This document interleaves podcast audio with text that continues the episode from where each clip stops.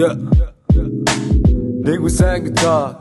За юу ан сонсогчдоо нийгмээс ангид подкастын дараагийн шин дугаар яг одоо эхэлж байна. Студид Били байна, Менза байна, Эй. Мех захгүй, тэгээд TJ. Өнөөдрийн зочноор бол саунд инженер, аа яг тэрийг өөртөлж хилээ те. Продюсер Туана оролцож байна. За сайн байна уу? Сайн уу? Сайн байна уу? Сайн байна уу? Танд энэ өдрийн мэндийг хүргэе. За баярлалаа. Бас араас нь продюсер, дууны үг зохиогч, ай зохиогч. Тэг ер нь продюсер гэдэг хүн чинь бас ингээ маш олон юм хэдэг. Тэгээд өнөөдөр бас ингээ бидний урилгыг хүлээн авч энэ хүү ярилцлагыг одоо а, ярилцлага тий сүржигнүүлээ тий бүгд бие өрж марцсан тий.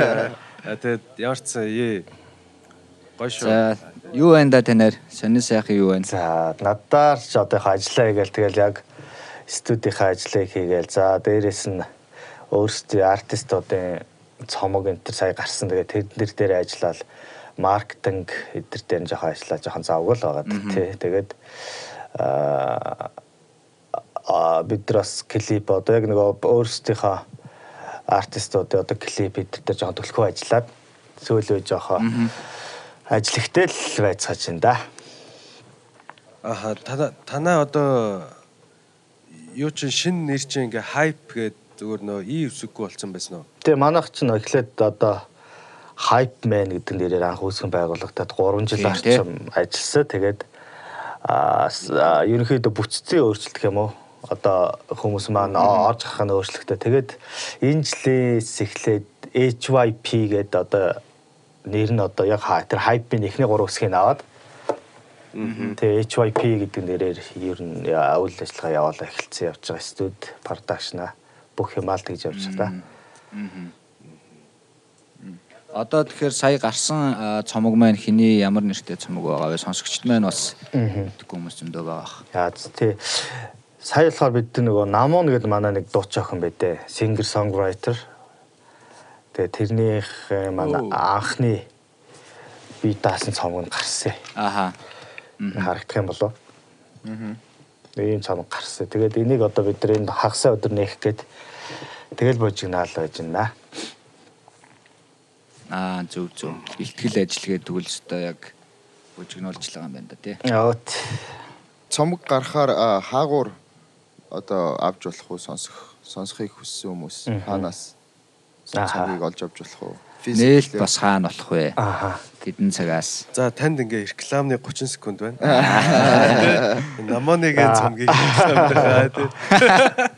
Тэгээд цомог нь болохоор энэ 9 сарын 19-нд энэ хагасаа өдөр ер нь нээх юм. Ба Одоо тэгээд нээн гэдэг нь одоо жишээ нь а, яг бид нар физикээр ингээд CD болгоод альбом хэвлэлсэн байгаа ч гэсэн одоо өнөөдөр Монголын Улаанбаатар хотод CD shop нэгч байхгүй болсон. Одоо ганц байсан ихтлгүүр маань шатаа дотор нь байсан hi-fi байхгүй болсон. Orange Records тэгээд биетэй Аа ихтлгүүрийн урд байсан hi-fi хаагдсан юм уу? тэр бас хаагдаад одоо хувцсны дэлгүүр болсон байлээ. Оо. Тэгээ одоо яг Монгол одоо Монголын артистуудад одоо CD битээр хэвсэн тохиолдолд одоо зарах яг тийм CD shop одоогор байхгүй болц. Тэгээд одоо бид нар энэ жил CU-гээр авах юм шүү. тий тэгээд хүмүүс одоо янз бүрээ CU ч байд юм уу одоо энэ тийм зарч бид нар бас ер нь бол кофе шопууд ч юм уу хүмүүсийн хамгийн их явдаг газар дээр зарна. Дээрээс нь одоо онлайнаар бит байдлаар шопигоор зарах бах. За тэгээ мэдээж онлайн стриминг дэлгүүрүүдээр бас тавих бодол байгаа. Тий тэгээд нэг тиймэрхүү байдлаар зарагдах бах. Гэтэ нэг зарагддаг юм доо. нэр ямар харамсалтай мэдээ вэ те? За тэр CD shop-уудын тал дээр бол үнэхээр харамсалтай байна. А тэгээд яг одоо лейблийн чинь талаас бас ингээд юм асуумаар байна л За. Одоо танах ингээд одоо Монголд ингээд лейбл гэхээр ингээд хүмүүс янз бүрээр ойлголт байдаг шүү дээ тий. За production гэхээр нэг ийм ойлголт байдаг, студи гэхээр нэг ийм ойлголт байдаг. А таах ч бол одоо ингээд HYP гэдэг лейбл юм байна шүү дээ тий. Тий тэгж байна. одоо ямар одоо ерөнхийдөө ямар үйл ажиллагаа явуулдаг гэсэн үг. Одоо жишээлбэл тэр онлайнд тавих тэр нөө distribution гэдгээ бүх юмаа өөрсдөө хийдэг те. Видео ч юм уу ингээд одоо ямар ямар юмаа хийдэг вэ?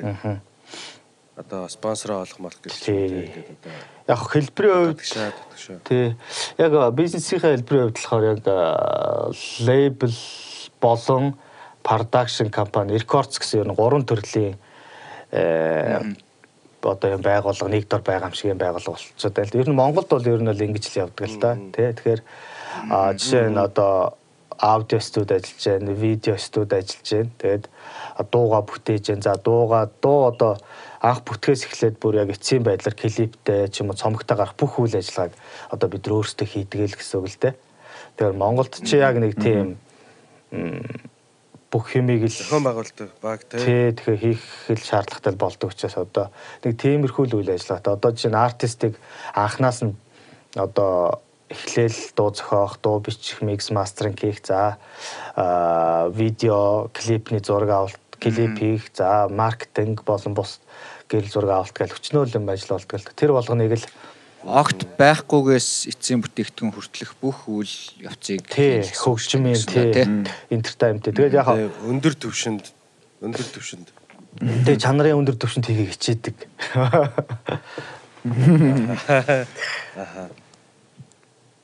Мастер бол угаасаа бас ярилдгөө ярилдгөө тий. Тэгээд дахиад нэг юм асуучих уу? За. Тэг тэг. Би нөөж нөөж асууя. Аа. Асуулаа шүү тийж. Тэг тэг асуу асуу.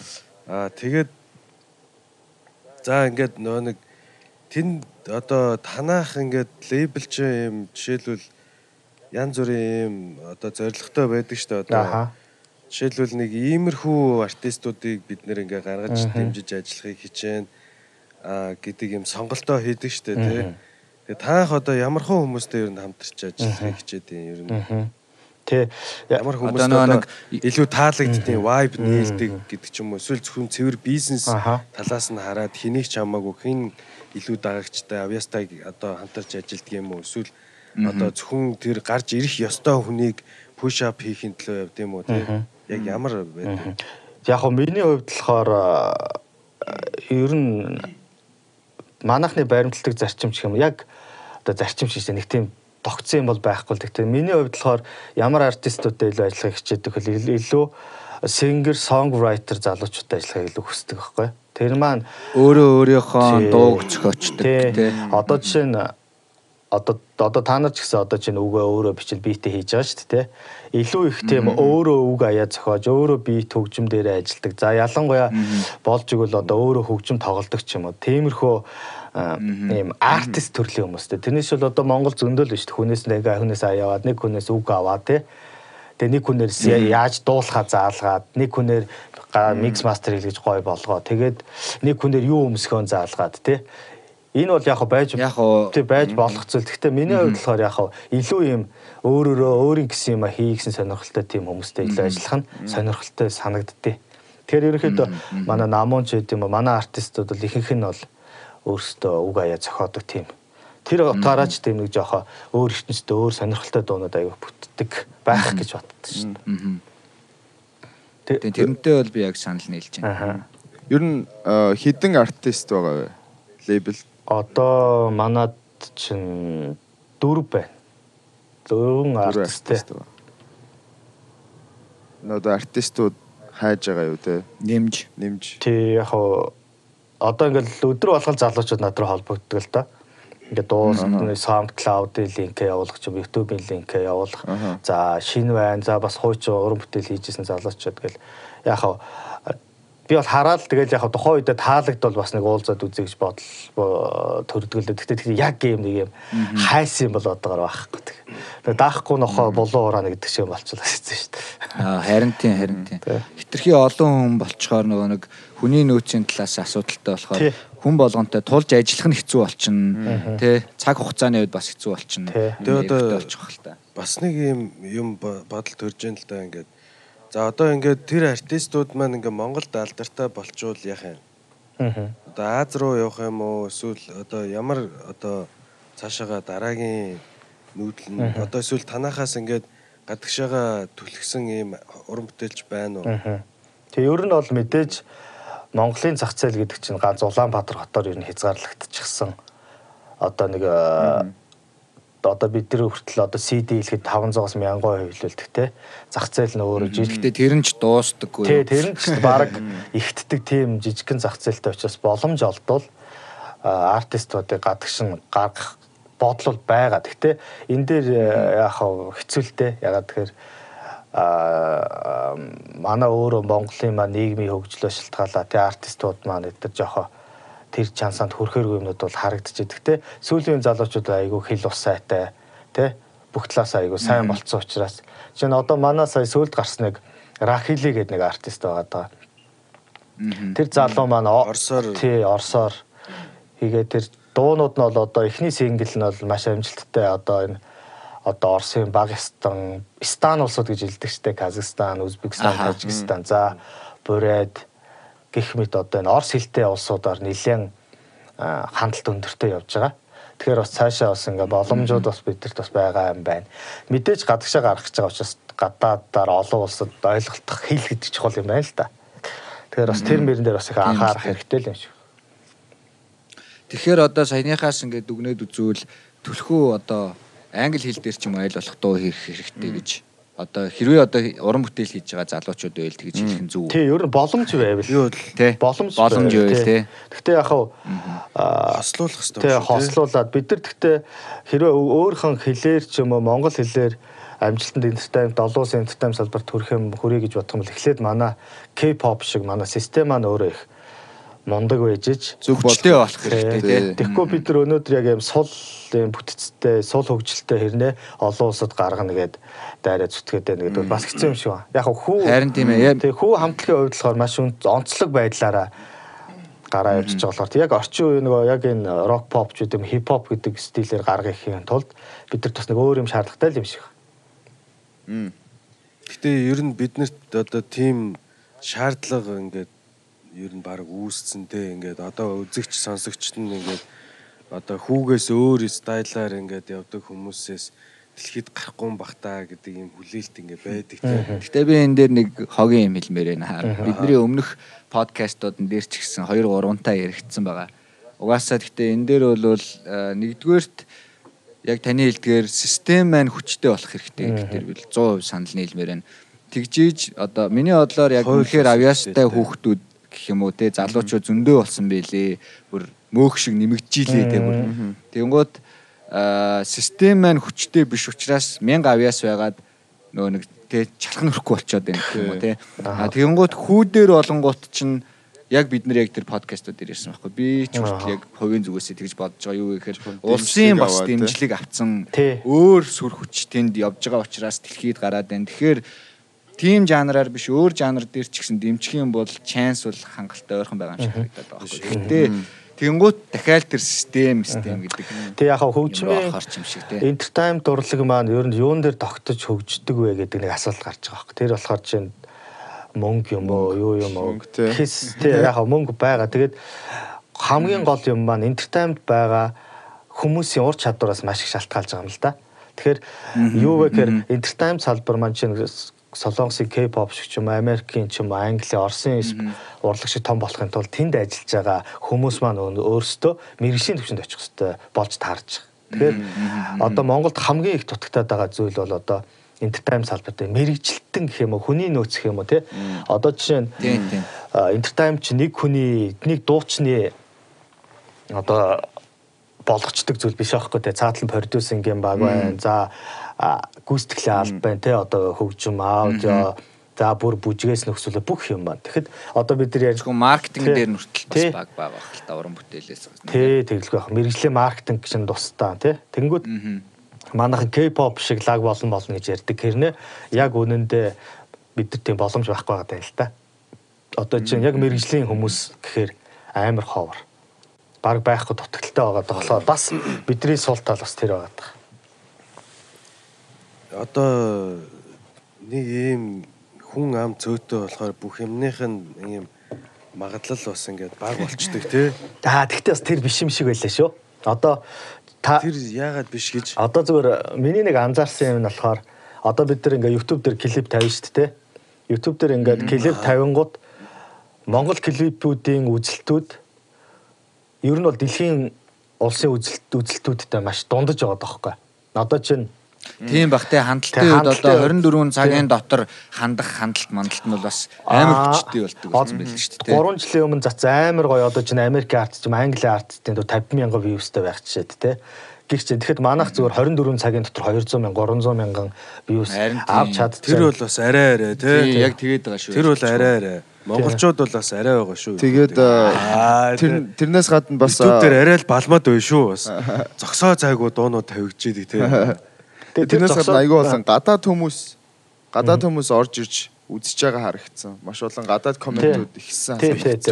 Энэ чэнэс тэнчэнэс гээл те. Тэгээ одоо ингээд одоо бид нар ингээд видео тавиад ч юм уу янз бүр юм ингээд ажиллаж байхдаа одоо чи private message ч юм уу те аа гадны артистууд ч юм гадны продюсерууд аяга холбогддог байхгүй? Аа танахыг үзлээ гоё байна ингээ тэгээ танахаар юм хийлхий. Одоо чин микс мастеринг ажил дээр ч гэсэн одоо над руу гаднаас одоо чин YouTube-ээс үзлээ гэж холбогддог гадны тийм артистууд аягүйх байдаг байхгүй? Тэгэхээр Одоо хичнээн орноос хандсан бэ. За яг тоо яриа тий. За яг тань руу нийт энэ амьдралын чинь хугацаанд Ер нь бол дунджаар яг хичнээн орны уран бүтээлч зүйлээрээ зүгээр өөр орноороо. За яг твэрээ бол баг бүх тв. Тэгээд За дөрөв Тэгээд төр угаасаа л дөрөв шүү угаасаа. За хичнээн орон юм бэ. за юм. 10 10 гаруй. орчим юм уу? Тэгээ хамгийн сонирхолтой нь Өмнөд Америкийн Перуч байд юм уу? Тийм улсаас хүртэл холбогддог байхгүй. Тэгээд тэд нар одоо яаж биднийг мэддэв. За тэгэл ойрхон бол буруу ядж байд юм Орос. Яаж яваад Тэгээд нөгөө энэ Европын хойд Европын дайн дайн Денмарк гэдэг чинь энэ дайн ч юм уу. Тэр улсууд ч өөрсдөө их монголчуу ийм мэдрэмжтэй монголчуу дуулалттай тийм хүмүүс байдаг болохоор дууных нь ийм бас жоох юм уулын муулын тий. Тий. жоох юм. Викинг тэгээ дээрээс нь хүүтэн мүтэн болохоор ойролцоо болохоор бас нөгөө агаар тараад бас бидрээр хийлгэх юм. бас хийлгэх юм бас их байдаг хөрх юм тий ер нь айгүй ойрхон Эндээс байдаг амар айр сүнгний үзэл орж ирж идэг те. тэгээд солонгос япон за тэгээд Тэгээ А, Солонгос Япон бол угаасаа ойлгомжтой байх тий бараг. тий тэгээд яг ер нь. Тиймэрхүү артистуудаас хэрэг хэрэг тийм артисттай хамтарч ажилладаг бай. Тийм боломж цаг зав нь байдгүй юу эсвэл аль болох хамтарч ажиллахыг хичээдэггүй. Мгм. Яг хаа их их ажил маа нөгөө микс мастерын гүйцэтгэлийн ажил ярьдаг байхгүй. Тэгээд аа тэгээд яг зарим үед Францаас ч юм уу саяхан болохоор жишээ нь манай артистуудыг оруулсан юм цомог оруулаа. Эсвэл нэг дуун дээр 8 такт ч юм уу те ороо монгол хэлээр ороод өгч. Бидний нэг сонирхолтой юм бидэрт одоо монгол хэл гэдэг нэг хүмүүсийн чихэн сонсогдоог нэг сонирхолтой зүйл байгаад шиг байгаа да. Тэгээд утга санаа нь агуулга нь нэг тийм сонирхолт юу байх нь хамаагүй бид нар ч яг монгол хэлээр миний дуун дээр нэг 8 такт хэрэгтэй юм шиг тийм тэгж холбогддог юмс айгүй их байдаг л та. Яг манийхаа дуун дээр нэг англиар тэдэн тагт өгүүлчих. Аа тэрэн шиг тий. Тий, тийм минут байгаад байгаа дээ. Тэгэхээр нэг яг бид нар бол ингээл одоо чинь Монгол гэл Монгол хөгжөөгөө дэлхийд гарна гэл амар юм бид нар өөрсдөө тийм хаалтай байдаг. Тэрнээс л уушээ бид нар Монгол гэдэг үгээрээ ч Монголын артистыг дэлхийд тэрээрээ үзэж л байгаа байхгүй. Тэгэхээр Тэгээ миний бодол бол ер нь бол одоо бид нар хийж байгаа юм аа л сайн хийх хэрэгтэй. Тэрнээс шүүл нэг нэг коноп дараад дэлхийд гар нэг коноп дарахгүй бол Монголдо байгаад гэсэн үг биш юм шиг байгаа. Тэр одоо хятадд ч байд юм уу? Одоо бүх улсад л бидний юмыг үзэж байгаа, харж байгаа. Тэгээ тэр 100 200 мянган views гэдэг юм аа зөвхөн Монголоос бас биш байгаа даа. Тийм те. Яг тэр э, нөө нэг бас одоо юу гэмтэй яг эх орондоо бас сайн байх юм бол дэлхийн хүмүүс угаасаа тэгэл одоо тэ тэр альва тэр орны хамгийн од болж байгаа хүн л мэдээж YouTube дээр pop up хийж гарч ирнэ шүү дээ. Тэгэл ер нь би бол бас яг тэр тал дээр тэгж боддоо шүү дээ. Яг зүгээр л байгаа газараа л яг гоё мундаг нь байгаа л хамгийн хөдөлмөрчин байгаа л хамгийн хамгийн нь байгаа л тэ. Тий. Одоо аа болдох маань байна. Аа тий. Тий, тэгээд яг хаа дэлхийд гарна гэдэг маань өөрөө эхлээд эхлээд бид нар дэлхийд гарна гэдэг ярианыхаа нөгөө одоо концепт гэх юм аа. Одоо харах өнцөг жоохон өөр болгомоор юм шиг надад санагддаг. Тэрнийхээ одоо яг юм харах өнцгэн тий. одоо дэлхийд гарсан гэдэг нь юугаараа тодорхойлогдох юм Тий. тий. Тэр Тэгээд- тодорхойлолтоо нэг юм ойлгомжтой болох хэрэгтэй байх. Одоо гарахын тулд шиг юм гарахын тулд жишээ нь яах ёстой гэдэг юм. Одоо чинь ингээ урлагийнхныг хараад ахаар одоо чинь мөнгө цацаад өгөх юм, мөнгө л цацаад ах юм бол бид нар дэлхийд гарчна гэдэг баг. Тэгэхээр бид нар зүгээр дэлхийд гарна гэдэг ойлголтоо эхлээд өөрчлөх хэрэгтэй. Тэр нь юу яах вэ гэхээр миний бодол шүү зэ. Бид нар эхлээд миний түрүүний хэлсэн тэр хүний нөөц буюу артлын тэр яг баг одоо яг нэг Гүйцэтгэл хийдэг. хүмүүсийн төвшинг амар өндөр түвшинд мэрэгжлийн түвшинд аваачих хэрэгтэй. Одоо тэгэл чинь одоо хөгжмөөр бид нар дэлхийд гарах гэж байгаа бол бид нар дэлхийн хэмжээний дууралттай ч юм уу дэлхийн хэмжээний бичлэгтэй дэлхийн хэмжээний продюсингтэй л байх хэрэгтэй. Дэлхийн хэмжээний аялалгаатай л байх хэрэгтэй. Тэхийн тулд тийм хүмүүс бидэрт хэрэгтэй байна л да. Тэгэхээр монголчууд одоо жишээлх юм бол нөгөө нэг sorry яг саунд одоо мьюзиктэй холбоод ярих юм бол жишээлх юм бол тэгж бодож байна. Яг одоо би бас дахиад 2 3 жил өнгөрцөн болохоор сайн мэдэхгүй байна л да. Гэхдээ яг анзаарчихсан юм гэвэл 2010 он ч гэдэг юм уу 8 9 он 2000 оны сүүлээр 10 оны үеэр Монголд бол одоо нөө лайв саунд талаасаа бол альч газар бүр хог дуурдаг гэсэн шүү дээ. Угаасаа тийм байсан. Одоо сүүлийн үед анзаарангуут харин арай тэр төвшин бол шал өөр болсон юм шиг санагдсан. Нэг тоглолт концертны Тийм тий. тоглолт концертны дууралт а тэрэн дээр яг мэрэгсэн хүмүүс тэр тэр онуудаас хойш нэмэгдэж гадаа дотоодоос буцаж ирээд мэдсэн сурсан юм а хэрэгжүүлээ. Тэгээд бас тэр тооног төхөөрөмжний апгрейдүүд хийгдээд. Тэгээд яг яг өстой нөгөө дэлхийн төвшин гэж ярьдсан бол дэлхийн төвшөнд амьд дууралтыг төхүүлдэг болсон юм шиг надад бол санагдсан яг хэрэгтэй өмнө нь бол бас хэцүү байсан юм шиг санагдаж байна л да гэдэг шиг одоо яг гүйцэтгэл болгоных нь мэрэгжлийн хүмүүсийг энэ тэнд боловсон хүчингүүдийг бэлтчих юм бол ер нь надаа бас нэг юм ийм асуулт байна тооныхаа. За. Одоо ингээд яг энэ подкастыг үзэж байгаа хүмүүс бас сонирн байж магадгүй. Та одоо яг энэ саунд инженерээр Японд төгссөн шүү дээ. Тэр тэр одоо тэр талаараа яриач те ингээд анх 10-аад төгсөөд яг яаж яагаад яагаад Япон яваад яагаад та энэ мэрэгжлийг сонгосон те. Жи их хоёр чинь нэг сургууль байсан биз дээ. Тэгээ бид хоёр чи нэг анги бүр нэг төгсөл шүү дээ. Бүрөө Тэгээ нэг анги яг 10 жил нэг ангийн найсаар гэдэг тийм хүмүүс аахгүй. Тэгээ тэгээд э, яг ер нь бол зүгээр л энэ мэрэгжлийг сонгох болсон шалтгаан бол ер нь амар санамсаргүй гэх юм уу. Тэгээ би анх дунд сургууль төгсчөөд их сургуульд мост сурж байгаа. Тэгээ нэг Япон явах боломж олдоод. Тэгээ Япон явсан. Тэгээ яг э, энд байж байхдаа яхаа гитар тоглож сураал, гитар сонирхол хөгжимд аягүй дуртай. Тийм байж байгаа. Тэгээ Япон руу яваад тэгээ тэнд байхдаа би яхаа за ер нь бол хөгжмийн чиглэлээр ажил хий гэж бодоо. Тэгээ ер нь гитарчин болъё гэсэн мөрөөдөлт байсан байхгүй.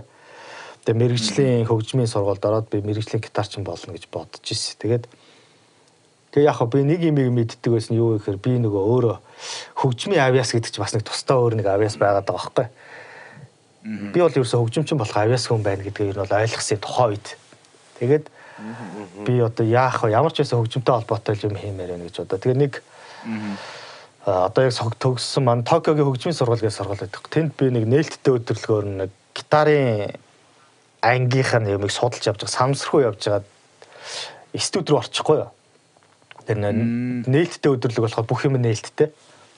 Тэгээд би студ руу яваад орсон чинь нөгөө амар том пулт, SSL-ийн пулт мэлт хамаг амар дэлгээ тавьцсан.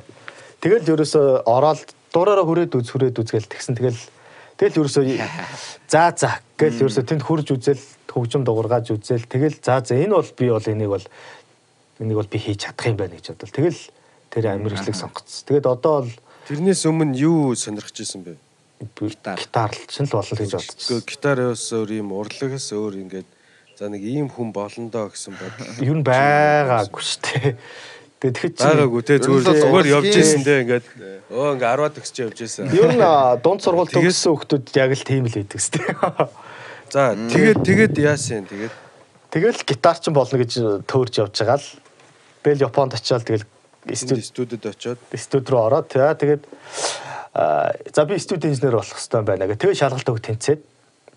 Тэгээд ямар шалга а сургуульд орох те тий сонсголын шалгалт тэгэл нэг их айхтар юм бол байдаг юм дөө.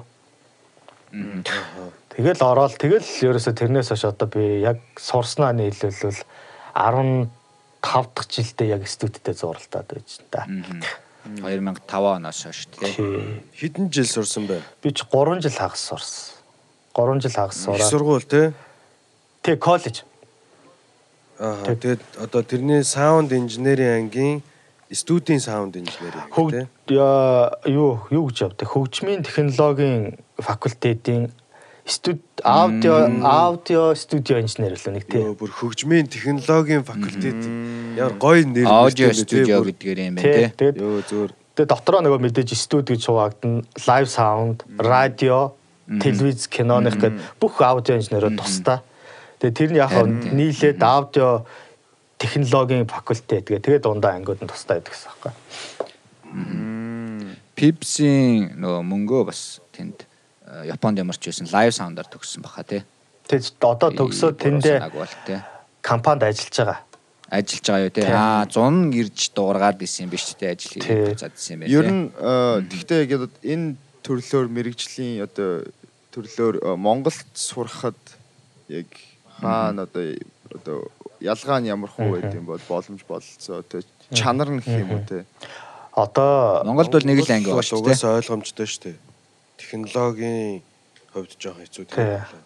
Ер нь бол э, студио инженерч байд юм уу? Ер нь аудио инженерийн салбарын маань өөрийнх нь онцлог нь а, 50% инженерийн скил чадвар 50% технологийн чадвар гэдэг юм дээр тогтож явдаг салбар байгаа. Даа. Тэгээд өөрөө хөрөнгө оруулалт болон маш их юм мөнгө зарцуулж иж босдог салбар. Тэгэнгүүт эсэргээр одоо жишээ нь энэ төлөвлийн боловсрал олгох сургуулиуд маань оюутнуудад яг тэр техник төхөөрөмжийн суулгаж өгч гарт нь байруулж ихэнд нь сонсгож яж нөгөө чадвартай мэрэгчлэтнүүдэд бэлтгэх ёстой. Тэгэхээр одоо жишээ нь гадаадд бол иймэрхүү сургуулиуд юугаараа хоорондоо өрсөлддөг вэ гэхээр манайх ямар технологитой вэ, техниктэй вэ те? Жишээ нь манайх 500 мянган долларын аналог пульттэй ч үт юм уу те? Та жишээ манай сургуульд орж ирснээрээ одоо энэ 500 мянган долларын 1 сая долларын пультэнд хүрэх боломжтой шүү гэдгээр хоорондоо өрсөлддөг байхгүй. Тэгэхээр Монгол улсад яг тэр олон улсын хэмжээний сургууль байгуулахад нэгдүгээр хөрөнгө бололцоо, дэмжлэл болцоонд хэцүү л те. Тэгэхээр дээрэс нь бас яг нөгөө энэ талбарын одоо мэрэгчлэтнүүд гэх юм уу яг олон жил яг энэ дээрээ тууштай яваа. Дээрээс нь сургуулийн төгсөөд ясан залуучууд одоо ховор байгаа. Ер нь гарын 15 гарын 13 ч биш 5 хуруунд ч баг тоологдохооргүй цөөхөн хүн байгаа даа байхгүй. Тэр хэд маань тэгэл дор бүрнэ нэг студ ажиллалаа. Тэгэхээр Монголд бол яг дууны найруулагч гэдэг хүнийг бэлдэж байгаа. Тэр нь радио телевиз төрлийн хүмүүс байгаа. Тэр яг студ Тийм байгаа хэцүү. Яг хөгжим Одоо Монголд яг нэг миний харж байгаагаар бол ийм байна л да. Студ маань өөр өөрөө ингээд ийм сурах талбар болцсон те. Ингээд студид ингээ олон жил ажилласан ах нэг юм өөрийн гарын шав бэлддэг те. Ер нь бол тим системээр явдаг шүү дээ. те. Тэгэл тэнд нь одоо ингээл ууж идэл ийм байдаг гэсэн. Одоо ингээл миний бол ингээ харснаар бол ингээл яг туунах ирж мэрэл тэр ч одоо яг хэдэн он юм бэ? 11 11 меган онд ирлүү та. А 8 онд шүү те. 9 оноос хойш 9 он. тэг 9 он Pro Sound-д ажил орчихсон. Анхны Монголд ирэл анхны студийн ажил маань 9 оноос эхэлчихсэн. Тэгэл ерөнхийдөө 10 оноос л гэсэн үг л дээ. Гэтэ бас яг одоо тийм одоо яг тэнцээ яг жинхэнэ мэрэгжлийнхэн одоо ингээд сонирхогчийнхэн ингээд дээрэс нь ийм хайбрид бас хүмүүс байгаа шүү дээ. Өөрөө рэпер гэснээр өөрийнхөө хоолойг тий. Тийм хайбрид хүмүүс ингээд болон сонирхогчд тэгээд мэрэгчлээ. сонирхолоороо явж байгаад мэрэгчсэн хүмүүс а тэгээд мэрэгжилтэн гээд ийм хүмүүс байгаа шүү дээ одоо. Монгол, тий. Тэгээд яг одоо юу гэдэг мэрэгчлэтнүүд нь маш бага хувийн эзэлдэг. Аа. Тэгээд мэрэгчснүүд нь арай жоохон их. Аа. Тэгээд сонирхогчт нь бүр их. Аа. Тэгээд хайбридүүд нь бүр их юм дээ. Тий. Яг хоо Тийм л юм харагдаад байна л да.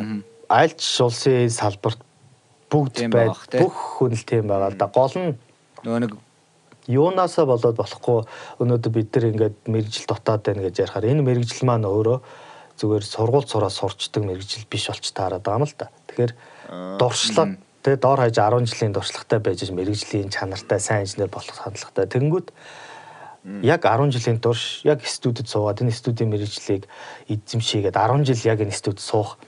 Хүн өнөөдөр Монголын хүн байхгүй байх. ховор те. инженер болохын тулд ч юм уу яг инженер чадвартай мэрэгжлийн инженер болохын тулд одоо сургууль төгсөөд ч юм уу тэгээд шууд бол болохгүй болж таарад байгаа юм л да. Тэгэхээр энэ мэрэгжил маань яг тууштай 10 жил 15 жил яг студид сууж дуршлаг хоримтлуулж те олон юм сонсож мэдэж ингэжээж одоо яг мэрэгжлийн буюу дээд түвшний инженер болно гэж яригдаад байна. Тэгэхээр одоо ингээд ажиллах юм бол дэлхийн том инженерүүд ихэнх нь 50-аас 60 насны хүмүүс байгаа шүү дээ. Тэр хүмүүс маань байдаг. 20 тэ 20 жил 30 жил тэр сууж байгаа учраас тэр хүмүүс туршлага бод. Тэнгүүд Монгол улсад яаж яах гэхээр өнөөдөр нэг 18 та хөгч юм 19 та хөгт студ сонирхож эхлэе. За хоум студио ч юм уу хийж эхлэе. За өсрөөл 25 хүртэл. Хийгээл за за болий би уул уурхайн компанид ажиллаж орё гэдэг ч юм уу. Тэгээд ингээд яг тууштай явах хүмүүс байхгүй учраас энэ салбар маань өөрөө өнөөдөр юм жоохон сонирхчийн төвшөнд байгаад байгаа хэрэг. Тэгэхээр би нэг постн дээр бичсэн байсан шүү Тэгэхээр дээ. энэ бол нэг баахан цагийн зүйлс шүү дээ. загнаг шүү дээ. их айгүй сонирхолтой пост байсан. Тэг яг өнөөдрийн бодит байдал ерөөсөө тийм нэг 20-од насны хүүхдүүд нэг юм сонирхож орж ирээд гардаг тэр хоббин дээр л өнөөдөр бас яг үндэ тогтоод байгаа хэрэг. Мгм. Бодит үнэн бол тийм л. Тэр гэхдээ үнэн. Гэтэ яг хаа яалтчгүй За, зах зээл нь жижигхэн болохоор ч тэр үү. Тэгэл яг олон хүчин зүйл байгаа. Бас юу болох вэ? юмнаас нөлөөлөөл тэр тэр дунд 10 жил тогтох нь өөрөө амар хэцүү байгаад байгаа хэл та. Тэгээ энэ бол өөрөө яг яг үндсэн юм бол ингээд зүгээр л хэлэхэд ийм бохгүй. Энэ одоо энэ саунд инженерийн одоо энэ урлагийн салбар дотор нэг юм бас нэг юм хэсэг байна шүү дээ. Тэр хэсгийн мэрэгчлэтнүүдийн ийм одоо дутмаг байдал үүсчээд байгаа байхгүй өөрөө яг урлагийн салбар дотроо бас нэг юм саунд инженер гэдэг хүмүүс чинь өнөөдөр Монгол улсыг хэр мэрэгжлийн дуурдаг вэ гэдгийг харуулдаг хүмүүстэй бүх юмн дээр байж байгаа. Та тэр нөө нэг э, сүүл тэр э, Херогийн хийсэн юун дээр саундн дээр нь ажилласан үгүй юу? Наадмын юу? Наадамд зориулж хийсэн тий. Тэ тэгс. Наадмын нээлттэй контент дээр. Ааха. А тэр нөө нэг э, юуныхын тал дээр болохоор юу лээ? Нөө нэг э, концерт байсан шүү дээ. Концерт Бүх сонгодгууд тоглоодсан. Тий, тэрэн дээр нь би оролцоогүй. Тэрийг нь болохоор мэдгүй яг Лайв байсан тий. би тэрийг нь яг яаж авах гэсэн сайн мэдэхгүй байна. Би нөгөө нээлтийн контентын дээр нь л оролцож байсан. Тэгэхээр нэг бас э- юу байдаг гэж магад. Аа, Энэ бол яг Монгол улс одоо хэр мэрэгжлийн бэ гэдгийг бас одоо тэр чинь улсын юм чухал контент явж штэ те бүр улсын мөнгөөр явж байгаа те. Тэгэд яг тэрэн дээр бас ингээд аа одоо ямар ч байсан бас мэрэгжлийн хүний урдаа ирсэн байна те. Е. Бас Е аа те. Тоонах бас гоё гоё мастерлдээ шүү. Тэмсдэг шүү. Аа тэгж үү те. Тийм болоод өнөөдөр бид нэр ярилцаа сууж байна. тий. Тийм муухай. Тийм болоод аа те. Тийм бэлдэг үг байдаг тийм. Гэхдээ одоо чинь тээгүү яачаад байгаа. та болохоор яг хөгжим дээр байдаг хөгжмийн артистоо дээрээс нь студ ажилдаг тий. Тийм болохоор нөгөө ялгаж салгаж чадж байгаа л да. Скил нь таад байгаа. Тэгэхээр энэ мэрэгжлийн бас нэг хүнд тал нь нөгөө а энгийн хүн ялгаж салгаад аюу хэцээдэг. Тэгэхээр энэ хүн ямар хэрэгтэй, энэ мэрэгжил ямар хэрэгтэй. Одоо чинь Монгол улсад одоо entertainment салбараас хамгийн хөгжиж байгаа салбар бол видео салбар. Өнөөдөр сайн видео сайн хийдэг хүн өнөөдөр хангалттай баян амьдарч байна, хангалттай мөнгө олж байна. Хүн болгон харж тэр зүгээр гоё видео хийдэг хүмүүс нь од болж чадж байна, тэ инфлюенсер болж байна. Саундынхныг жоохон ойлгохгүй байна гэж. Тэ. Тэнгүүд Угаас үнэ үнэ. хүний чих нүд хоёрын хүртгүү чинь жоохон өөр учраас Өөрөө одоо Тий, одоо та нараа Монголын клипнүүд бол гоё болоод байгаа дээ, тий? Клипнүүд бол улам гоё. Эсвэргээр а, дуу хөгжмийн яг студийн одоо дуулдаг одоо микс Гүйцэтгэл байхгүй гүйцэтгэл маань одоо улам унаад байгаа нэг тийм а, жоохон гонигтай юм бол бас байгаа. Таныг бас удахгүй нэг э, нэвтрүүлэгт өрнө. жоохон муухагаар хэлвэл нэг юм за Юу байд юм би шүү? Болсон дээрээ гэж. Клипийг аваад явчих юм чинь дуун дээрээс яасан ч яах вэ гэсэн одоо тийм одоо юу сууж эхэлж байгаа юм шүү те клип нь гоё болоод эхлэхээр угаасаа гоё клиптэй муухай дуутай байсан ч үзэл идэг юм шүү дээ. А ха- одоо нэг зүгээр яхаа би ингээл энэ салбарыг нэг ойлгуулчих гэл ингээл янз бүрийн юм чаг чаг гэл гоцаал яваад байдаг л та. Зөв Тэгэл зөв зөв зөв шүү зөв шүү. а, яг хөө тэр хэмжээгээр. Энэ тал дээр бас яг юм сэтгүүл зүй талаасаа анхаарж байгаа хүмүүс хэрэгтэй хэрэгтэй. Тэгэхээр яг дуурах хүн эрэгтэй байхгүй бас. Яг тэгээд яг ойлгож байгаа хүмүүс залуучууд бол байгаа. Тэгээд ер нь бол одоо нөгөө бид нар саунд инженер гэдэг юм айгүй сайн салгаж ойлгох хэрэгтэй л те. Одоо чинь лайв саунд маань тусдаа, студ маань тусдаа, кино, телевиз тусдаа, радио тусдаа ч гэдэг. Энэ болгон маань бүгд л адилхан аудиотой холбоотой ч гэсэн нөгөө бодож са доторх юм бүх юм нь өөр учраас одоо бүгднийг гоё ингээд салгаж ойлгоод тэгээд ингээд бүгд Энд э, та сүүлд ийм сургалт зохион байгуулад байгаа л да тий. Аа тэгээд баг одоо эндээс ингээ хэдүүлэнгийнхэн ярианаас харахад бол ийм зөвхөн одоо саунд инженерийн дөрвөн төрөлдсөн дөрвөн англи анги анги те нэг анги нь зүгээр тавхан сурагч авдаг те жилд ийм сургалт явуулж болохоор байхгүй. Гэтэ тэр хүндээ яг үн- үнэхээр ингээд тултлан заадаг те яг телевизийн саунд инженер гэж юу юм? Студийн саунд инженер гэж юу юм? Тоглолтын саунд инженер гэж юу юм те? Аа. Шууд дамжуулалтын саунд инженер нь яад юм те одоо ямар техникийн хувьд ямар мэдлэгтэй байх хэвээр онлын хувьд яад ийд ингээл ингээл одоо нэг юмнууд те Аа. Яг би нөгөө өмнө нөө нэг рагу нэг юм сургалт явуулж байсан те Аа. Тэг яг хоо а нэг ийм одоо зүгээр мэдгүй би хитрхийг үнзгэрүүлээд байж магадгүй нэг би яг хөө сургалтын дээр яг техникийн одоо үзүүлэлтүүд юм одоо нэг ур чадвар инженеринг заахаасаа гадна. Инженер хүн байх гэж нэг юм амар их байдаг байхгүй инженер хүн одоо энэ ямар амьдрал туулд юм бэ тэр хүн те Тий, одоо жишээ нь инженер хүн байхын тулд ямар ямар одоо скил чамд хэрэгтэй гэдэг би заах хичээдэг байхгүй юу. Тэр нь одоо зөвхөн програм мэддэг биш те. Одоо тэр маань өөрөө хөгжмийг жишээ хөгжмийг яаж сонсох юм те. За хөгжмийг яаж сонсох юм. Клиенттэй яаж харьцах юм. Энд чи бизнес шүү дээ. Чи энэ бизнест одоо зүгээр студ суугаад хүн ирээд чам зүгээр мөнгө өгөхгүй. Тэнд дуучныг яаж тийм ажил хийх гэж байгаа шүү дээ. гаргахгүй те. гэдэг ирдэн. Тэгээ дээрэс нь- хүн болгон адилгүй. одоо энэ саунд инженеринг гэдэг чинь цаашаа юу ингээд ер нь нэг юм одоо мэрэгжлийн ёс зүй мэрэгжил одоо тухайн мэрэгжлийн нэг онцлог байдаг ш тэрийг заахыг би хичээдэг байхгүй. Тэгээд мэдээ дээрээс нь юугаа яга тэгэхээр яг залуучууд ирээд ерөөсөө ийм өстө би бодож байгаагүй юм байна. Ийм байт юм уу гэдэг аюу гайхаад байдаг л та. Тэгээд Монголын нөгөө Суйси харьяа радио телевизийн дээд сургууль гэдэг Монгол нэг сургууль байгаа. Тэр нь болохоор ер нь медиа урлагийн сургууль гэж явдаг. Тэгээд дууны найруулагч гэдэг анги байдаг байхгүй юу? Яа би тэнд дахиад нэгдсэн юм байна те. Тийм баха. Тэгээд би тэнд нэг мастер класс өдр ороо тэгээд оюутнуудтай ярьж хахад тэр дууны найруулагч гэдэг чи одоо яг юу юм те саунд инженеринг гэдэг чи яг юу юм гэдэг нөгөө яг суур мэдгэдэггүйнээ аваагүй зүгээр л пультэн дээр суудаг хүн гэдэг ойлголттой болчиход байгаа. Тэгэхээр Тэр сонголтоо хийхдээ өөртөө ихтгэлгүй байсан те. тэгээ яг яг нөгөө ямар ч ойлголтгүй байхгүй. хэлсэн үгүй. Яг хөө нөгөө яг л ингээд саунд инженер болно гэж л орж байгаа байхгүй юу? Тэнгүүт яг тэнд зүгээр л одоо жишээ нь яг нөгөө мэдээж олон юм дутагдaltaй учраас тэгээ яг гээ сүултээ хөхтүүд би яг юу болох гээд байгаа юм бэ гэдгийг мэдэхгүй суучдаг баг. Тэгэхээр нэг тийм одоо нэг жоохон юмнууд харагдаал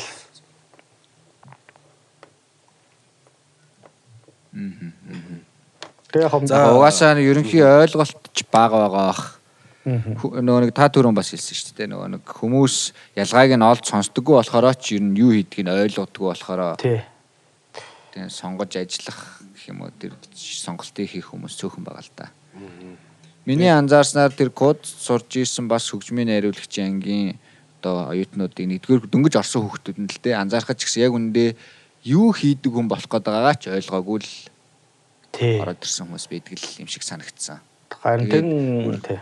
Яг тэр Яагаад тэгж яваагаа ч ойлгоогүй. Бүр тээ. Хаана юу хийж яваагаа ч ерөөсөй ойлгоогүй.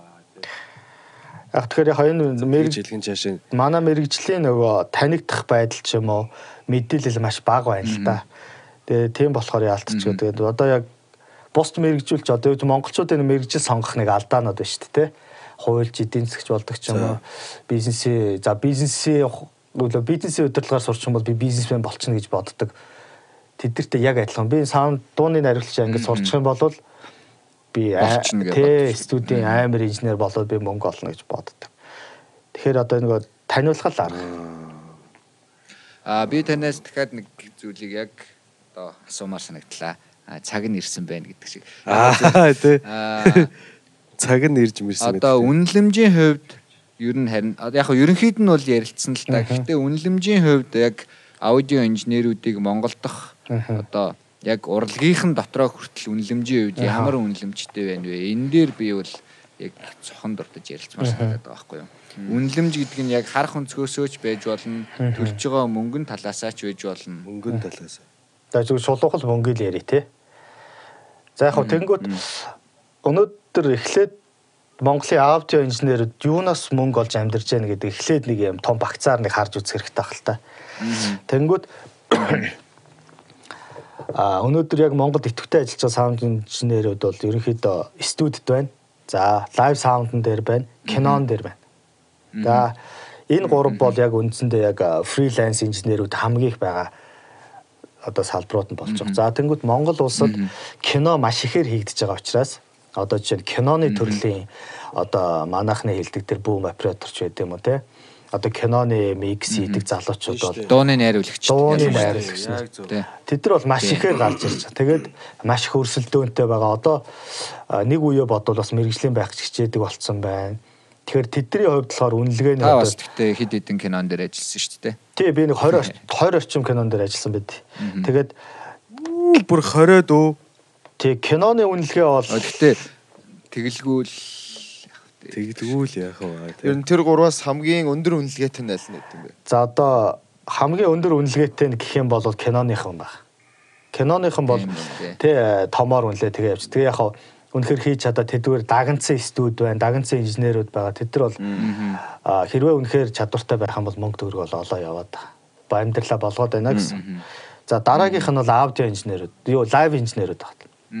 Яг хав энэ крона гэж одоо яатсан байгаа болохоос ер нь бол Монголд те лайв инженерүүдийн хэрэгцээ маш өндөр учраас тодорхой хэмжээгээр дагнцсан улсууд бол тэргээр нилээ явж. За тэнгууд лайв инженерүүд маань өөрсдөө техниктэй, тайзтай, гэрэлтэй болоод өргөжөөд тэнгууд лайв дээр одоо оператор хийгээсээ гадна түрээсээ бас давхар хийдэг учраас тэдэрт бол орлогын их өсвөр нь хамаагүй их болж байгаа.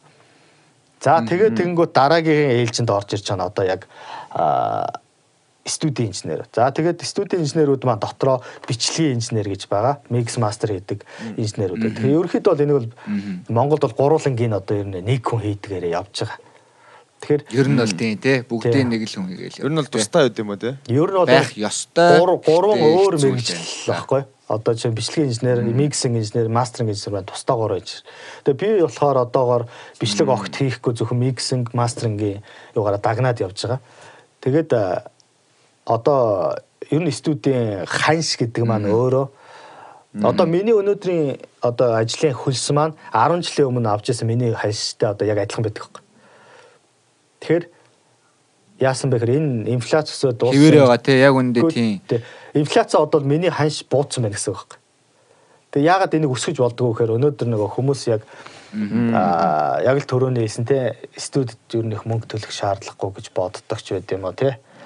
Тэнгүүт одоо нөгөө хүн болгон зүгээр home studio home studio-ээр өөрсдөө болгоод тэр нь хит болоод олон сая views аваад эхлэнгүүт би туваанаад яах Тэнгууд бүр яг үнэ. би энэ туваанаад мөнгө төлж яах юм. За мөнгө төлдөг хүмүүс нь том том артистууд маань гадаад хүмүүст мөнгө төлөд байгаа. Одоо жишээ нь Оросууд ч гэдэм Америк инженерүүд те тэр зөв одоо чинь Сингапур инженер тэд нар бол мэдээж амар сайн туршлагатай олон жил хийсэн техниктэй тэгээд тэдэрт мөнгө төлөх нь ойлгомжтой. технологи нь өөр байгаа л та. Тэгэнгүүт Тэгээд одоо таа ч гэсэн олон жил ажилласан техник төхөөрөмжтэй тэгэл тийм л юм шүү дээ Монголд байгаа. тэг яг би нэг тэр хүмүүсийн Америкт ч юм уу хийлгээд Оросд хийлгээд ирсэн нь гологдоод тийм юм засах тохиолдол би амар зөндөө байдаг байхгүй юу? Ягаад тэгэхээр Тийм шүү дээ. Тэр чинь улсынхаа нэрэнд биш тэр хүнийхээ чадварнд байгаа шүү дээ. яг хоо миксинг, мастеринг чинь өөрөө бас жоохон яривхтай урлаг болохоор ч Тий. тиймэрхүү юм гарна л та. Тэр инженерийн тейстэнд нь гоё байсан ч юм билүү бас амар төвхтэй Яг дөө. тэгээд яг ингээ мэрэгшин талаас харахаар тий, чи яг хав тэгээд. Америкт ч юм уу хийлгээд, Европт хийлгээд, Англид хийлгэж ирээд яг үндэ үнэхээр гологдох хэмжээний миксүүд ирдэг байхгүй.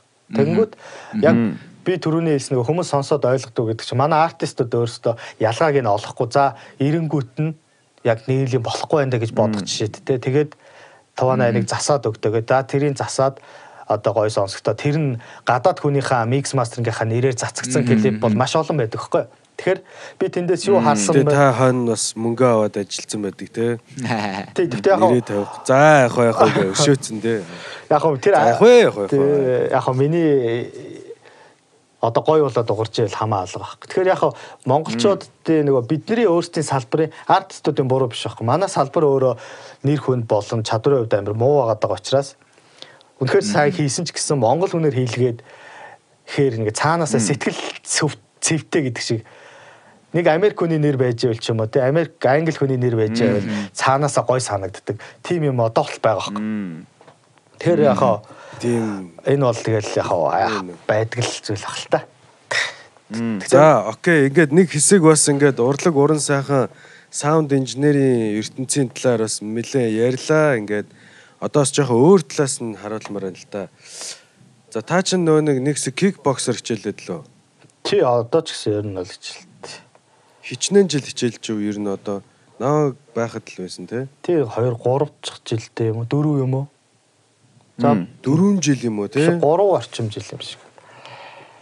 Аа, Аль клубэд явдаг вэ? Би One Team гэдэг клубт хамрагддаг. Тэгээд яг тэ клубүүд ингээл энэ тэнд одоо бэлтгэл хийж болохоор газар ингээл энэ тэнд очиад заримдаа ажилтаа үедээ тасч маслаа тэгэл ингээл яг тийм тогтсон газараа тогтмол бол бас биш байгаа л. Аа. Гэтэ бол одоо бол бие хамгаална. Аа тий. Нэг урлагийн хүмүүсийг нөө зарим ингээд э, хүмүүс их амархан гэж боддог те бас. Гүшт. Тэ одоо ингээд өө энийг бол ингээд баг өө энийг бол. Яг хөө тэр ч яг хөө. Гэтэ Хичээлж эхэлсэн шалтгаан өөрөө нөгөө суудлын ажлаас л болсон юм л да. Тэгээд хөдөлгөөнд дутагдсанаас болж оо. Тий, тэгээд яг жимд нөгөө фитнес жимд явхаар тэр чи бас нэг хөдөлгөөн муутай. Одоо зүгээр төмөр өргөд байхаас илүүгээр илүү юм итгэвтэй гүйдэг одоо юм хийсэн дээр юм байна гэ. Тэгээд ер нь бол хичээлж гисэн. Тэгээд тэр бол их зөвл байд юм билээ би энд. Спорт үү? Тий. Тэрнээс гадна тиймэрхүү кикбоксинг, тийм боксинг юмуд айгүй их дисциплин гэдэг юм те. Хатуужлоо. Хатуужл айгүй сайн суулгач. Тий. Тэр талаас Одоо хүнийг тий. Тэр чи одоо би чинь студ дотор сууж Жагаад байгаад жил болсон. а студ дотор сууж байгаад хизээч уулзахгүй хүмүүстэйгээ би тэнд уулздаг байхгүй. Тэгэхээр надад бас нэг сошиал талаасаа ч тэр айгүй юм гоё. Дээрээс нөгөө ингээ продюсер ч байнга ингээ ямар нэг шин зүйл ирэл хайж бодож явдаг болохоор ингээ орчноо солих юм хэрэгцээ бол их байдаг юм байл л дээ. Тэгэхээр спорт бол тэрэнд бол айгүй сайн өгөөчтэй санагдтыг. Өөр одоо ямар одоо сонирхол сонирхолтой одоо нийгмийн идэвх юу байдаг вэ? Одоо кикбоксоос өөр. Би тэгтээ ер нь айгүй студиэс гадуур баг юм байдгүй шүү дээ. Ер нь бол яг л студид байх юм уу тий. дээ. Тэгээ ууж идэггүй одоо тэгэл Ууж идэхгүй те бүр. тий Ер нь гадуур явж байгаад би баг Монголд тахтаа бол нэг хоёр л удаа тааралчсан. Та тамхинаас Гадуур гарсан. явж байгаа ч тий. Тамхинаас гараад одоо хэр удаж байна ер нь? Би тамхинаас ч гараад одоо дөрөв дэх жилдээ явчихна. Nice.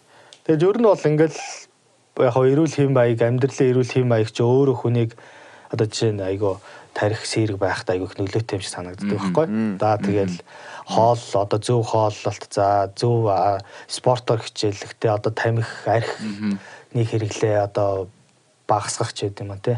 Тэгээд жоох тэгж хичээж амьдрахыг хичээдэг тэгээд ямар ч байсан тэгээ одоо өөр дээрээ хараад тахад ер нь бол их тэр их зөв л юм байна л гэж боддیں۔ Тий. Аа нэг юм яг тийм эрүүл амьдрал амьдралгийн гот санаанд орсон юм. Нойрны хувьд одоо яаж ийн? Одоо шүний хуваар Аа. Монголд одоо бас шүн болтол суудаг л ах гэж би бодож байна. Тий. юм аягээд өө. Тий. Facebook хэрэг. Би бол те. Энд л жоохон эрт мэрт тариад байгаа болохоос яг үндэ Монголд бол тэгэл амьдрдаг ус баг л Студ Тий. дээр тий те. нойрны хувьд амар асуудалтай л байдаг. Ер нь студ дээр ажилдаг ихэнх хүмүүс студ дээр амьдардаг те. Тий. аа. Би миний ажил бол нэг шөнө 11 өнгөрөөгөө 12 төхүүлээд дус харьдаг ер нь тогтмол. Аа. Тэгээд хараад шууд гэр, тий. Тэгээд яг өдөрт бол би нэг 8-аас 10 цаг бол унтнаа. Тэг сайн унтахгүй бол энэ тарихталгаа жих гэдэг юм чинь ажиллахгүй шүү тэг дээ. хэцүү болохоор. Айгу эмзэгтэй ер нь бас нэг юм яг юм бас яг юм саунд инженер гэлтгүү бас одоо юм дуулдаг, барьдаг, үгэлдэг, барьдаг ийм төрлийн хүмүүс ингээд альва одоо юу ч бай те мэдээч бай, дууч бай, подкаст ч бай, те номч бай ингээд сонсоход бас тухайн хүний ингээд мууд те тухайн хүний тэр одоо хувийн одоо байгаа тэр оюун санааны тэр нэг юм нөхцөл байдал амархан өөрчлөгддөг те Аа. Тий. одоо яг юу үзэж харж байгаа айгүй хурд одоо энгийн хүнийхээс илүү хурдан ийм мэдрэг байдаг байх гэж боддоо шүү дээ би ер нь та ер нь тийм байдаг уу бас Аа тэгтээ би амар сонь шүү дээ. Би ерөөс яг ажилласаа гараад би огт хөгжим сонсдгүй шүү дээ. Аа угаасаа яа. Өрөөнөөс өрөөнөөс гараад би машин дотор таксийн дотор бүр дуурж ил хөгжмийн онтраалгадаг. Би гэртээ очиж манай би нөгөө юу а нөгөө телевиз үздэгөө тэргээ телевиз үздэгөө зөвхөн одоо YouTube төрлийн юмнуудаас зүгээр яг өөрийн сонирхдаг төөх мөх тийм юм. Ерөөсөө би ажлынхаа өрөөнөөс гараад ерөөсөө ажилтайгаа ямар ч холбоогүй болдог. Тэгээд хүмүүс тэр наваа чи тэгээд тэгээд би бааранд ордог. Яг тэр чанга хөгжимтэй болохоор би өөрөө ингэж ядраад тэгээд баар маар нор ингэж яг юм ажлаас гадуур би огт хөгжим сонсдог. Тэгээд яг тэр нь ягаад тархиа тархиа амрааж ийн л гэсэн үг юм шүү дээ нэг төрлийн.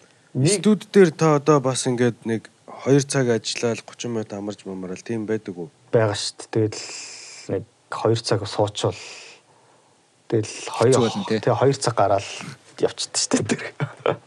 тий 2 цаг бол бас урт те цаг болоод ер нь 5 минут цаг болоод 5 минут байх хэрэгтэй юм уу яад ер нь 20 яг минут мэрэгжлийн сургууль юу гэж зааж юм сонсохгүй бас нэг жоохон жоохон дундуур нь балансаа өөрчлөө яваад тахт бас гайгүй л.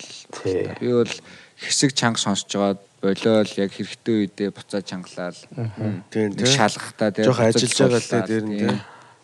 тий. яг айл болох суулгах сонсохыг хэлчихэдэг те. Студид Тий, Айл болох тий. Тэгээд нэг чангалаад байдаг. Тэ удаан сонсоод ирэхээр ч бас л хүмүүс жоох чанга сонсдгүй юм байна гэд гайхаад байдаг хөх студид орж ирчээд. Бараг л клауд клауд байгаа юм шиг л нүднэ гэж бодоод ингээд орж ирэхэд нь би ингээд амар сулхан сонсохоор ингээд. Тэгээ зарим рэпрүүд эдэр болохоор нэг юм амар чанга сонсож хайптай ингэж Аа. ингэх сонирхолтой.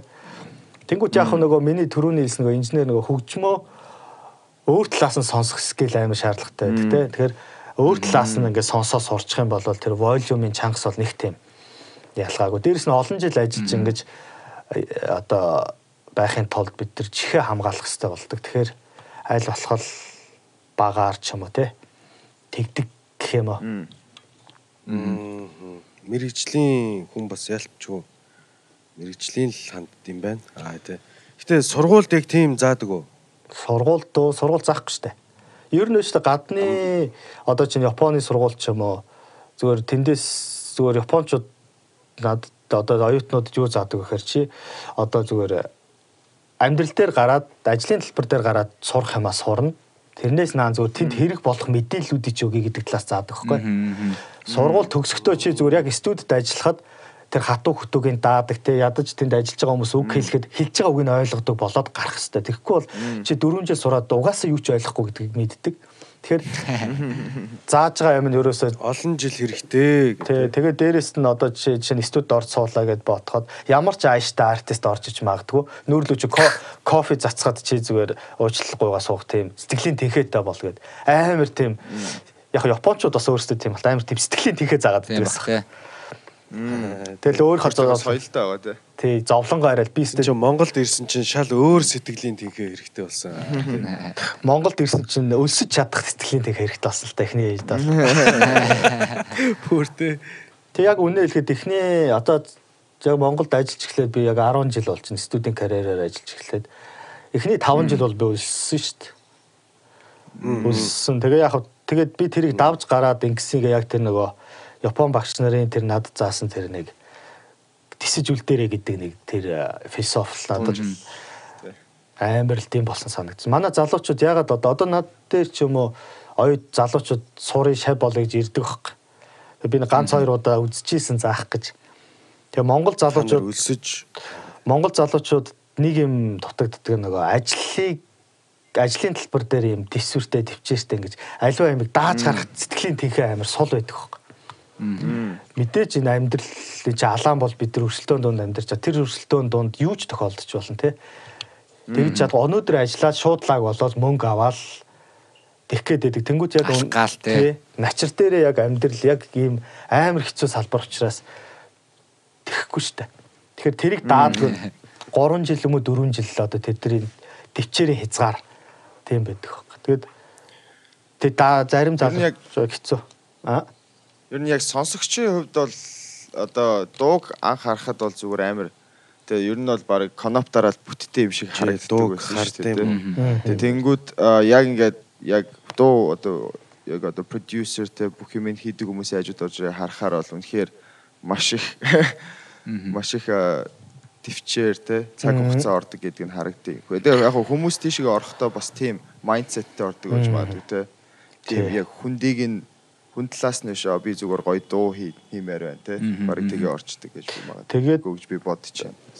э, би янз бүр юм дээр л одоо байнга л ярьдаг нэг э, үг байт юм л та. Үгч шиг амар афоризм биш шүү зөө. Зүгээр миний нэг анзаарсан юм тайд ч гэсэн одоо бол хүлийн зөвчрөх бах. Би бол бодохдоо жишээ нь жишээ нь урлагч хөгжмийн салбар гэж бодъё те. Одоо энэ хөгжмийн салбар тайд байна, би байна. Энэ хөгжмийн салбар руу орж ирж байгаа хүмүүс ерөөсөө нэг л юм дээр хөтлөгдөж орж ирдэг байхгүй. Мөнгө олон болоо дооч биш. Зүгээр л бүх хүн хөгжим дуртай хүн л орж ирдэг. байхгүй. хайртай байдаг тий. Тэгээ тэнгууд одоо жишээ нь санхүүгийн салбарч байж, бизнесийн салбар, лууруу уул уурхач байд. Тэнд дургуй ч гэсэн орцсон хүмүүс байдаг л байсан. Тэ? Аа тэгт яах мөнгө олох хэрэгтэй байна өгшөө. Тэгээ орцсон. Тэгтээ дургуй. Би тэгтээ юм дургуй штэ. Харин урлагийн хөгжмийн салбар руу хизээч би энэ хөгжим ийм студийн репиктэй жоохон дургуй. Тэгтээ ингээд яах вэ гэж хизээч байдгүй байхгүй. Тэгэхээр энэ сал тэгээд энэ салбар маань өөрөө хүний яг бүр юм дуртай юм дээр тогтдог учраас маш өрсөлдөөн амбиц маш олон юм юм дээр тогтдог байхгүй. Алаан дээр тогтдог байхгүй. дан гац дуртаагаасаа цаашаа давсан зүйл байдаг тий. Тэгэхээр энэ маань өөрөө маш сонирхолтой салбар байхгүй. Тэгэхээр энэ дунд тогтож тисэж үлдэнэ гэдэг чинь олон дуртай хүний дунд Жинхэнэ нөгөө нэг шалгарал явагдаад. Олон жилийн дундаж гэдэг шиг л юм болно шүү дээ. Одоо яг зүгээр зөөрлөд хэлэхэд нэг амар тасарсан хүн дээр 10 залуу хайртай 10 залуу алалцж байгаатай л адилхан салбар байхгүй. Нэг л өөр юм болгоно гэдэг шиг тий. Яг л ерөөсөө тийм салбар болохоор сонирхолтой. За ингээд Тий, цаг маань бас яг нэг цаг бол ярилцсан байна. Дахин дахин бас үргэлжлүүлээд олон сэдвийн талаар ярмаар байгаа боловч төгсөх төгчээ. Тэгээд аа, ер нь бол би Ирээдүг ирээдүгийн тухай. тий Тий нөгөө ирээдүйд энэ одоо төлөвлөж байгаа ажлууд танд юу байгаа вэ? Сонсогчдоо бас ингээд хэлэх зүйлс байгаах те. Төлөвлөж байгаа ажлуудаасаа сонирхол бол Тий, ер нь бол төлөвсөн ажлууд бол маш их байгаа. Яг хөгжмийн одоо өөрөө миний mix mastering ажлаас гадна манай одоо нэг өөрөө HYP гэдэг энэ байгууллагын маань а цаашдын уран бүтээлүүд бол зөндөө төлөвлөлт Лейблийн, төлөвсөн ажлууд байгаа. Тэгээ яг зорж байгаа миний хамгийн том зорж байгаа зүйл бол яг энэ салбар энэ э, би одоо зөвхөн студийн талаар л яриад байгаа шүү. За студийн дуу бичлэгийн студ бол рекординг студ бол mix mastering гэдэг энэ салбарыг л дахиад олон жоохон таниулчих талаас нь аа юм хийж одоо юу хийж болох вэ одоо тиймэрхүү юмнуудыг сургалтч байд юм тийм юмнуудыг айлглах цаашаа тасралтгүй л их бодолтой байгаа. Тэгээд мэдээж entertainment салбар дээр байгаа учраас миний хувьд бол одоо манай сал манай ахны хувьд бол цаашаа киноноос өсвөлээд ясан бус эсэн бүсэл юм руу орох төлөвлөгөөнүүд бол байгаа.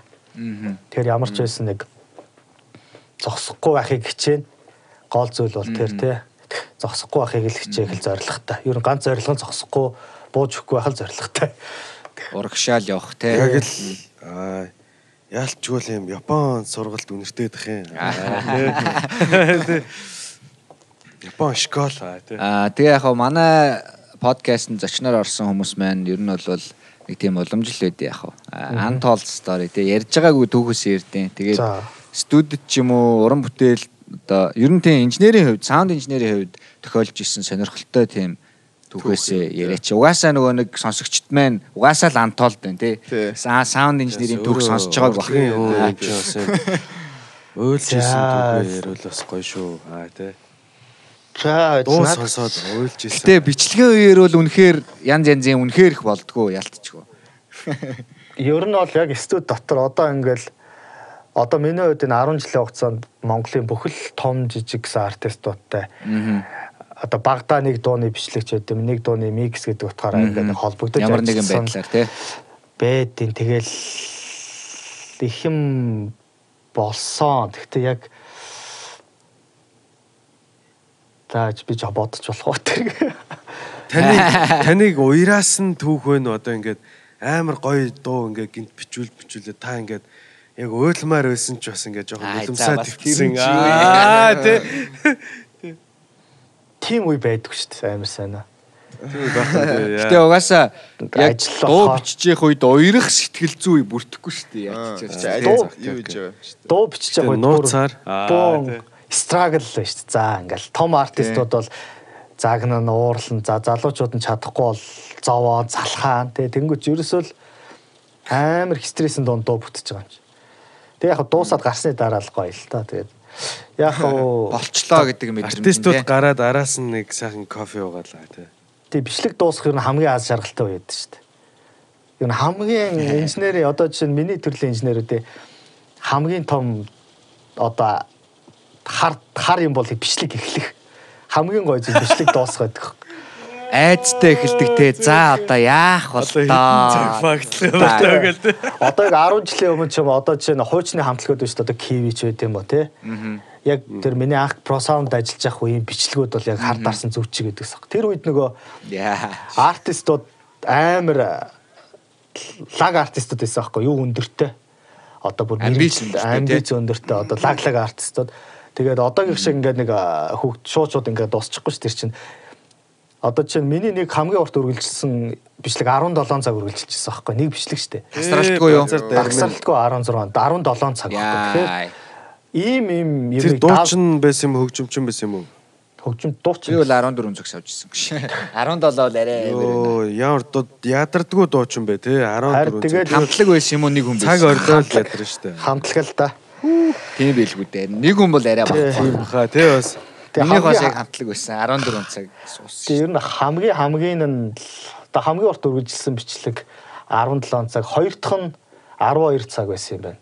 Одоо нөгөө 12 цаг үргэлжилсэн дуун болохоор аа 3 охины stupid boy лөө.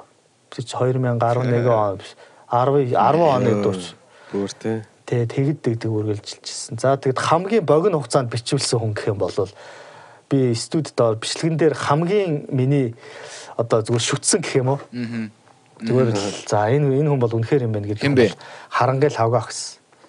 Аа. Йоо. Харангийн лавгаах зүгээр орж иж юм ярьж байгаа л заах нь ороотой гэж ороод нэг дуулаад Аа. тэгээд бүр амар болцсон байхгүй. Тэгээд нөгөө өөрөө нэг дуулснаа. За юмыг яаж мэдгүй ахын дахиад нэг дуулчих дуулаад Аа. за тэгээд наанс авчих гээ гараа яцсан. За тэр нэг 10 минут 20 минут болсон юм уу? Баачка ах бас яг тэгдэм байл шүү. Гурвал явд юм. Тийм. Орж ирээл нэг үзээл, хоёр яваал. За юу ч нэг явчих шнэ. За чи өөрөө мэдээ сонгочих баа гэж. Баачка хуучны лаг дуучид байна. Тэгээд бүр яг өсөг өсгээр нь явдаг дуучин байна хуучны гавьятуудаас тий. Нэрийг хэлээ. Өсөг үсгээр нөө. тий. Яг өсгээр нь явдаг хүн байна. Өг үгээр. Тэгээ өөртөө мэддэг болсон нэг инженер дээр ороод ирэхээр бүр мэддэг болчоор ядж яхад нөгөө нэг нөгөө нараал за ингэж явна пад пад пад. Хэрэв өсөг үсгээр нь явдаг юм байл угаасаа тийм сэтгэл зүгээ те өсөг үсгэн дээр аваачч байцсан те. За өсөг үсгээр нь шаанда Жижигэн жижигэн тастцсан байж гэдэгтэй програм дээр харахад. Хамгийн сэтгэл хөдлсөн ч юм уу яг ингээд нөгөө скиллийг за үнэхээр уулга алдсан гэх юм бол би энэ над би нэг камертоны дуу бичих боломж гарч ирсэн 2010 онд төлөө 11 онд Тэгээ тэр э, камертон буцаж нийлээд нэг цомог орно гэх нэг дуу бичсэн. Тэгээ би тэр үед бичих боломж гараад Тэгээ угаасаа багасаа камертоныг ч бас байсан. Тэгээ би бичлэгдээ би амьдралдаа камертон хамтлагийг ингэж ректаар бичнэ гэж бодоагүй. Тэгээ би камертон хамтлагийг бичээд за дууч дүндсэн хоолгоод дуучаад байка бичсэн байхгүй. Яа би тэр үед үнэхээр тэр э, мундаг хүмүүсийн скилтэй тэр олон жил зүтгэсний үнэхээр олон жилийн сургуулилт те. Тэгээ одоо жишээ дөрвөлээ нэг микрофон дээр зогсож байгаа дөрвөн хоолой зэрэг салаад дугаараад тэр нь ямар ч алдаагүй маш зөв. Яа. Би тэгэл тэнд л яг инженер гэдэг утгаараа амар том одоо миний хувьд амар том дорчлог баг. Одоо би дахиж Гой ингээд гой хамтрал болсон байна те. Шар ус бостлаа шүү дээ. Тэ, одоо өнөөдрийн Миний өвшин бүр нүдэндээ харсан байна шүү дээ те. Одоо өнөөдрийн студид ажиллаж байгаа залуучуудад магадгүй тэр одоо зүйлийг одоо ингэж үзэх Тохиолдох боломж амар бага баг. Тэгэхээр миний ард тий, хизээч мартагдахгүй зүйл бол тэр байс. Тэгээд тэр тэр амар одоо яг тэр э, олон улсын стандарт л одоо дэлхийн одуудын хэмжээнд дээ. тэр дөрвөн хүн дуурсан тэгээд Ажилсан байна шүү те. Яг тэгэж тий тэгээд Нэг микрофон дээр артистууд өөрсдөн хамтдаа дээр тэгээ юм дээр явна ажиллах хэрэгтэй бас. одоо нөгөө одоо төвшний ялаа гэж байгаа таах тий. Тэр одоо дээд төвшний хүмүүс ямар одоо Баачкаахын дэг дуулдаг, харангийн лавгаахын нэг дуулдаг тэр төвшин. Энэ бол шал өөр төвшин. Өнөөдөр автотюн тавиад аа гэж орилоод байгаа. Тэрний хажууд энэ бол бүр мэдхгүй бүр шал өөр төвшний зүйл. Тэгэхээр Шал өөр Тэгээ би түрүү анх ярьцлага эхлэхэд одоо унаад байгаагийн шалтгаан гэжсэн өнөөдөр ийм артистууд байхгүй болоод байгаагийн шалтгаан гарч ирэхгүй байгаа учраас өнөөдөр манай Монголын хөгжим бас унах гээд байгаа шалтгааны нэг бахал гэдэг. Гэхдээ бас мундаг дуулдаг хүмүүс тэр voice тэр битүүл харагдаад байсан юм Аа. шиг. Тэр бол баха. Би боддтой тэр мэрэгжлийн гэж хэлэхэд хэцүү үсттэй хамгийн гол нь наандаж. Ааха. За би яг нар яг байгаа. бүтүү үзсэн юм уу? Аа би бол сайн мэдэхгүй байна. Би бүтүү үзээгүй аа. За яг миний Шоу штэ хөшөн гэж. өөрийнхөө өнцгөөс хэлэхэд одоо чинь voice дээр дуулж байгаа хүүхдүүд ч гэдэг маань гадаад дуу coverл дуулж байгаа залуучуудад нэг сул тал байдаг нь монгол хэлээрээ ч юм оригинал дуу дуулж чаддаггүй болчдөг нэг амар том сул тал байдаг байхгүй. Одоо та нар бод voice дүнхээр сайн дуулаад алаал хятад байгаа тэр дуучид одоо яг бодит байдал өөр оригинал дуу гаргаад хит болгоо те өнөөдөр уука шиг болд шиг ч юм уу Гэсэн хүн байна уу гэдэг шиг тэр тийм. тэр артистууд өнөөдөр гарч ирсэн чадвартай артист байна нөхөр айгүй хоорох. Тэгэхээр Олон жил тэрийгэ барьж байгаа хүмүүс байхгүй зөвхөн нэг шоугаар гарч ирэл байхгүй болоо л гээл тэгэхээр тийм. нөгөө Гэтэ бас ингээд олон жил оролцоод явж байгаас юм миний мэдхийн бас 4 5 тий эмхтэй жоох охтууд байдаг л да.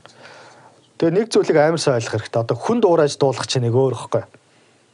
За хүн дуулахгүй яг өөрөөрөө дуулна гэдэг чинь яг тэр нөгөө том дуучдын байх хэвээр ганц аав том чанар нь ихгүй. Тэгэхээр Аа. ягаад тэр voice-ийн дуучид ингээд лаг дуулаад байгаа юм шиг харагдаад байгаа юм яг ингээд болохгүй байгаа даа нөхөр.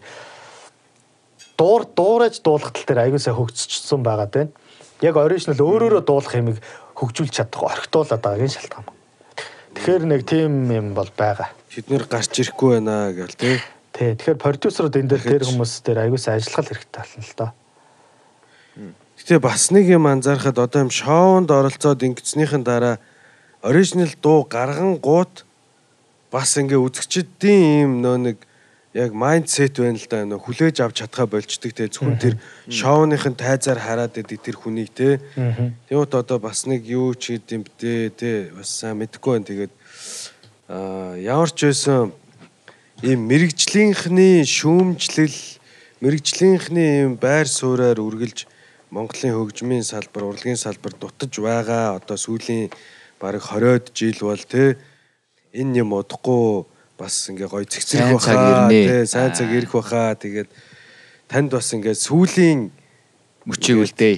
Сүүлийн мөчийг үлдээе ингээ бас аа, Би бол яг сүүлийн мөчийг яг тэнгийн ганцхан асуулт асуучих. Яг гоо мэдээж хэрэг их одоо бол нөгөө инженер ч гэх юм уу тим юм хийх хүсэж байгаа хүмүүс ихэнх нь bedroom producer гэдэг нь бас явах гадах шиг байл л дээ. Анзаарангууд. Тэгээ нөгөө нэг нэг найзынд очоод хоолоогоо бичүүлээл за миний өгшөм микслээд өгч гингууд нөгөөх нь пад пад пад гэдэг ч юм уу те.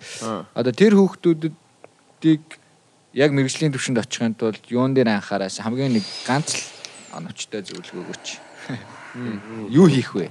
Тэ. Туштай л байх. Бид нар маань л одоо боловсон хүчин болох байх та тий. вау ямар гоё асуулт байна. Аа. Одоо угаасаа а, bedroom producer ч юм home studio-с эхэлнэ гэдэг бол угаасаа зөв. Одоо жишээ нь ямар ч мундаг инженер хизээч шууд мундагаас эхлэегүй. Тус туслахаас кофе зөөхөөс эхэлсэн байхгүй. Тэгэхээр одоогийн одоогийн залуучуудад том боломж байгаа нь шууд Студийг ойлгох те шууд home studio-тэй ч юм уу өөрөө яг студид харьцаж эхлэх боломжтой байгаа. Тэгэхээр зүгээр л гол чадвар нь үнэхээр энэ салбартаа дуртай, үнэхээр инженер болж ингэ цааш явах зүгээр тууштай л авах хэрэгтэй. Тэгэхээр энэ мэрэгжил маань өөрөө маш онцлог даваа талтай. Ягаад тэгэхээр эхлээд хүнийг одоо амар страглтай амар их даваа давуулдаг мэрэгжил баггүй амар хэцүү юм давна амар хичээн амар их өрсөлдөөн дунд байна. Чадан чадахгүй сэтгэлээр унаа нойргүй хонон зүүдэндээ микс хийж хонон те. Би бол тэгдэгээс шүнжин микс хийгээл тэр нь болохгүй шаналж хоноол те. Тэгээд энэ болгоныг даваад гарсны дараа одоо юу хэмдэ чиний одоо урсгсан цус урсгсан нулимс урсгсан хөлсөй чинь хэд дахин угалж өгч чаддаг мэрэгжил баг. Тэр нэг амттай гэх юм уу? Шагнал нь баунти нь маш өндөр байдаг мэрэгжил. Тэгэхээр үнэхээр тууштай байж чадах юм бол чи баунти зөвхөн Монголд гэлтгүй ажиллана шүү дээ тий. Тэгээд энэ бол чадвараа шилтгаалаад хаанч ажиллаж болно. Тэгэхээр зөв тууштай бай. Тууштай байсны чи хариу хизээ нэгэн цагт энэ мэрэгжил өгдөг шүү л гэж хэлэх хэрэгтэй. Nice. Тэгээ юунаас ч эхэлж болно. Чи өнөөдөр гэрт гэрийнхаа боломж компьютерийн яригчны юм ямбиж хөвчөр өнөөдөр хийгээл ажил хамаагүй хий. Бити зогсон. Зүгээр л хизээ зогсохгүй тууштай уршаа цэцэг. Өнөөдөр юм мэдэхгүй байж болно, ойлгохгүй байж болно. Тууштай ойл ойлгох болно. Тэгээд тий. Тууштай байдал бол хамгийн хэрэгтэй. Хүн бол бас ийм одоо чинь энэ мэрэгжлийг эзэмшихийн тулд ямар авиастай байх хэрэгтэй гэж залуучууд асуугаад байдаг байхгүй. Би чинь жоохон сонсголгүй дээ, ийм дээ. Энд ерөөсөө мэдээж тодорхой хэмжээний өгөгдөл хэрэгтэй. Тэгтээ одоо чинь хөгжим чинь мэрэгжлийн хөгжим чинь мэрэгжлийн дуучин шиг тийм амар бурхнаас өгсөн авиас бол хэрэггүй байхгүй. Зүгээр л дуршлаг зүтгэлэл хэрэгтэй. Тэгэхээр одоо би чадахгүй байх гэж бодож байгаа залуучууд өдр байх юм бол үгүй хэрвээ зүтгэж чадвал хинж чаддаг л зүйл шүү. Тэгэхээр шантарахгүй л байх хэрэгтэй. Нэг 10 мянган цагийн дүрм гэдэг шүү дээ. Гэхдээ нэг юм ер нь сүүлийн үед ингээд хараад хахад нэвтрүүлэг болгоны төгсгөлд яг нэг юм хүмүүстэй битээ шантраарай гэдэг юм үг ер нь ингээ анзаараадсэн чи ер нь гинт цай анзаарчихлээ. Гэтэ өнөө өнөө ялангуяа нөгөө нэг э, цохон дуртахад бол яг ялчгүй нөгөө нэг ихэнд ярьж ирсэн шүү дээ. 10 жилийн салбар чинь бэж иж өнөөдөр яг гайгүүдээ орж эхэлдэг юмаа гэдэг шиг те. Бараг тэгэхэр чин тэр тусмаа бүр тууштай байдал бол хамгийн нэнт тэргүүн тавигдахаар байна. Тэгээ 3 4 жил үзэл алж ийн гэж боддог яг үндэ тэгэл болчдөг те тиймэрхүү. 10 жил шүү дээ. 10 жил тууштай байж чадах үгүйгээс л тэгэл Тэгэхээр одоо яг үнэхээр ингээд 10 жил тууштай студид ажилласан хүн байх юм бол би бол хүндэлдэг. Ягаад тэгэхээр даваад туулсан юмныг нь би өөрөө мэддэг болохоор ард нь юу даваад өнөөдөр энэ хүн өнөөдөр 10 хэдэн жил студид сууж байгаа. Тэр бол үнэхээр хүндлэхгүй байхын аргагүй баг. Тэгэхээр хэрвээ тэгж чадвал тэгэл нөлөөс орсон.